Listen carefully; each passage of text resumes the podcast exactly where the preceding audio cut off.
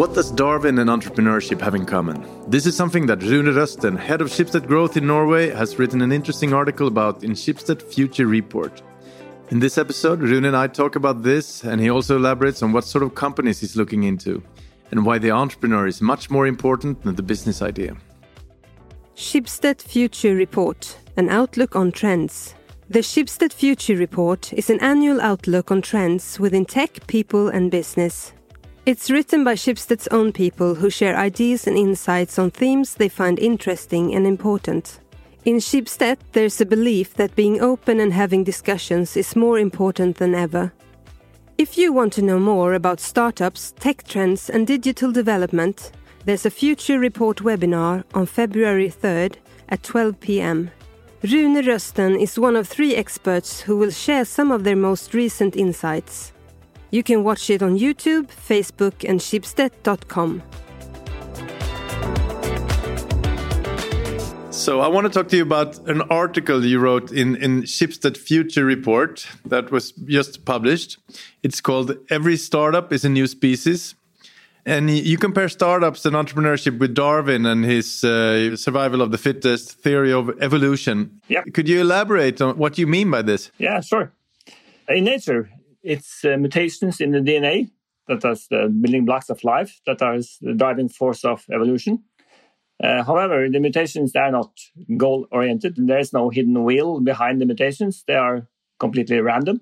However, the mutations that will sustain and prevail are the ones that actually work in the sense that they increase the probability of reproduction of the species. If the mutation in the DNA makes a positive difference with regard to reproduction or survival, they will be selected. And that's what Darwin called natural selection. You have an example of a Norwegian company called Zaptec. How do they fit in with your theory? I think this theory of Darwin is the same to, for startups. As a changers or pivots that actually make a difference for the users will be selected. And Zaptec is an interesting example. It's uh, currently a very successful company, a market leader within charging of electric cars at their home. Um, the company went public this fall, and the share price has skyrocketed since. Uh, however, I visited the company a few years ago, and at the time they were literally on a different planet. Actually, they were thought that their technology would be very suitable for exploration of the surface of the planet Mars. And perhaps that's true, but it's not easy to make any money out of that, so to say the least. But randomly, they started to do some experiments with electric cars and charging uh, since they were approached by a French car maker who were looking for a solution to charge the cars in Norway. In Norway, it's used a very different power grid than in, in France. There was a need for a, for a fix that Zaptec could uh, provide. So, more or less by an accident and this request from the car maker, they realized that they could actually make a solution that was catering for the fast growing market of domestic charging of electric cars. So that is Zaptec. They were kind of pivoting around, and another another interesting example as well is uh, the Norwegian edtech company called Kahoot. It's uh, quite famous in, in Norway at the moment. But in fact, Kahoot started as a multiplayer mobile game where you were supposed to play with other people inside of physical cinemas.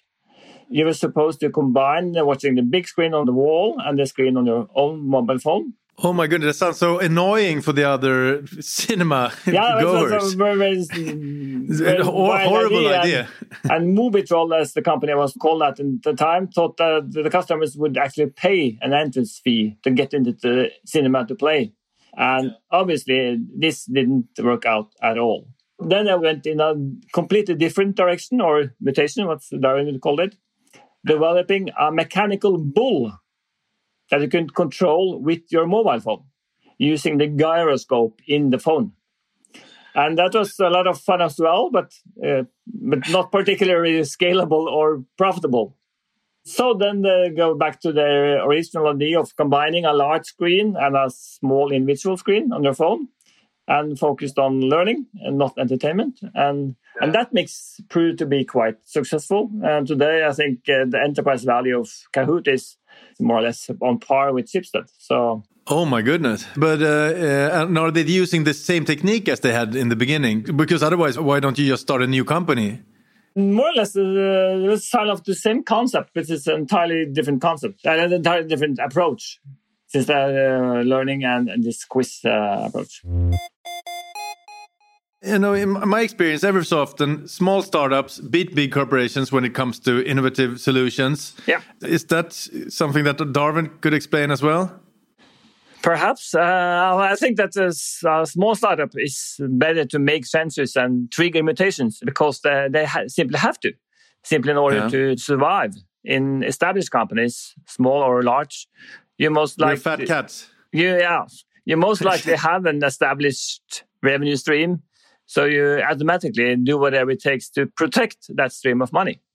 And all of the incentives within the company are skewed to maintaining the established business model and revenue, not to come up with new sources of revenue. And making experiments uh, or innovative ventures is very hard in large companies simply because you don't have to. And the risk reward ratio is very limited.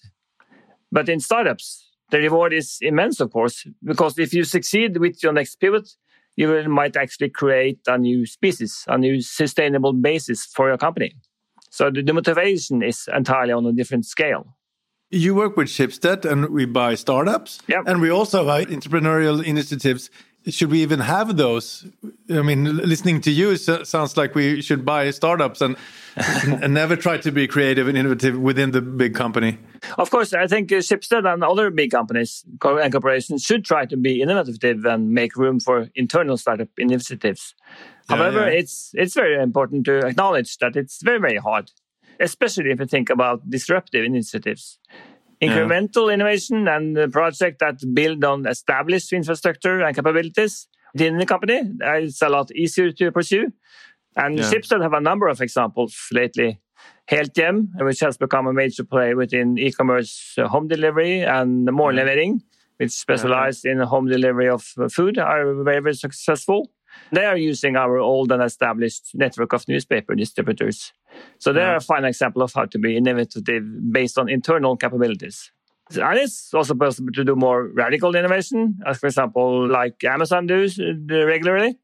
But I think that requires a very strict setup where the individual teams are given a high degree of autonomy and at the same time have laser focus on the customers and the customers' need.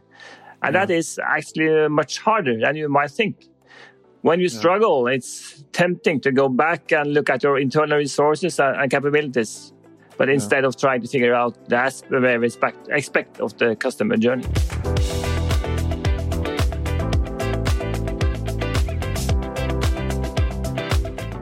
As the country manager of Schibsted Growth in Norway, you must meet entrepreneurs all the time. Yep. Which traits are you looking for within them? How do you like your entrepreneur, so to speak?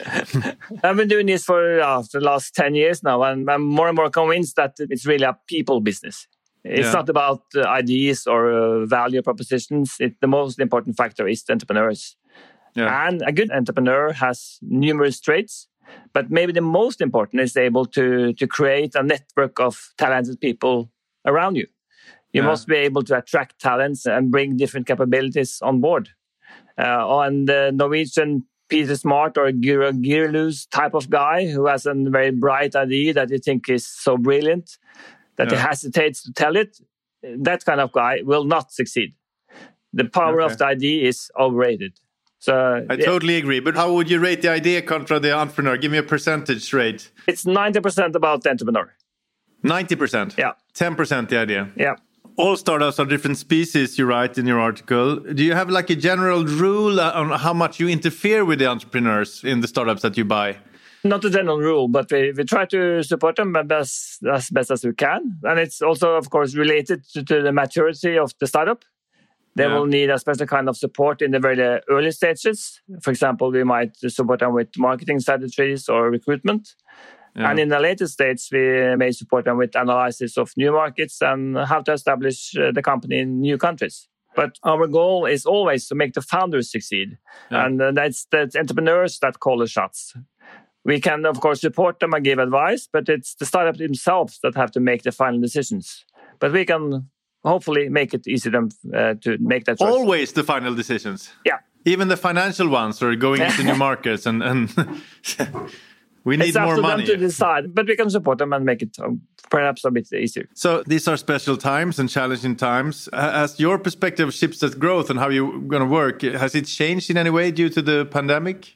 We thought so uh, in March and April that 2020 will be very different from the last years, but uh, in fact, it's been more or less like previous years. And if you look at the Norwegian startup scene in 2020, it's booming. So for us, what's changed is really that it's more competition in the market. And if you Yeah. wanted to go and you wanted to be attractive for the best startups, you have to be even more competitive. Why is it like that? I mean, eh, does it make us even more creative this this pandemic, or what's it all about? I think it's a couple of reasons. One of them is obviously that uh, more and more um, are turning to digital. More and more solutions have to be digital, and that, of course, Yeah. is a good thing when you're talking about tech startups that we we are investing. And the other way around that, that I read about is that the capital and investors are even more global because you don't. Obviously, if you are an investor in in the US, uh, it doesn't matter if you meet startups in Europe or in Asia or whatever, because it's all uh, over VC anyway. So where you sit uh, in the geography is, is less important than before, and that's that's a good thing for Scandinavian countries.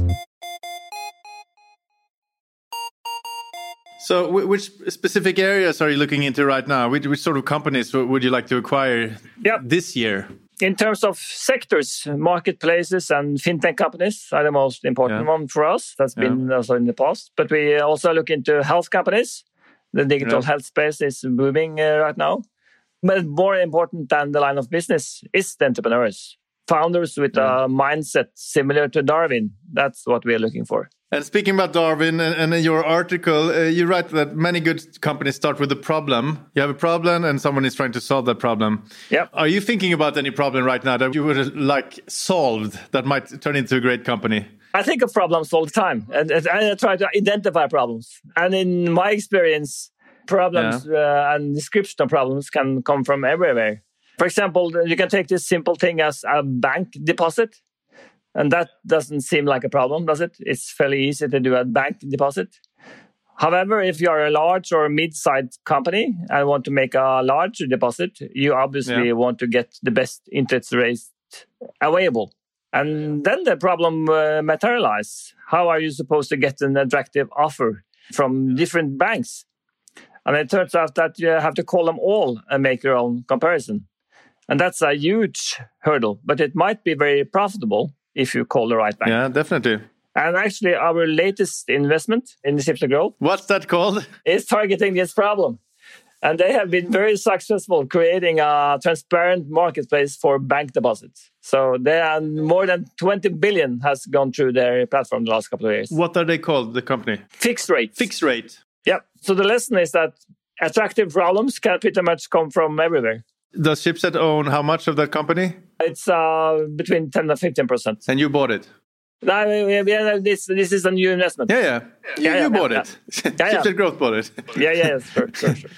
That's great, Rune. Thank you for coming to Schibsted Talks. Thank you. This podcast was brought to you by Schibsted Employee Branding Team. My name is Hugo Renberg and the producer was Jens Back.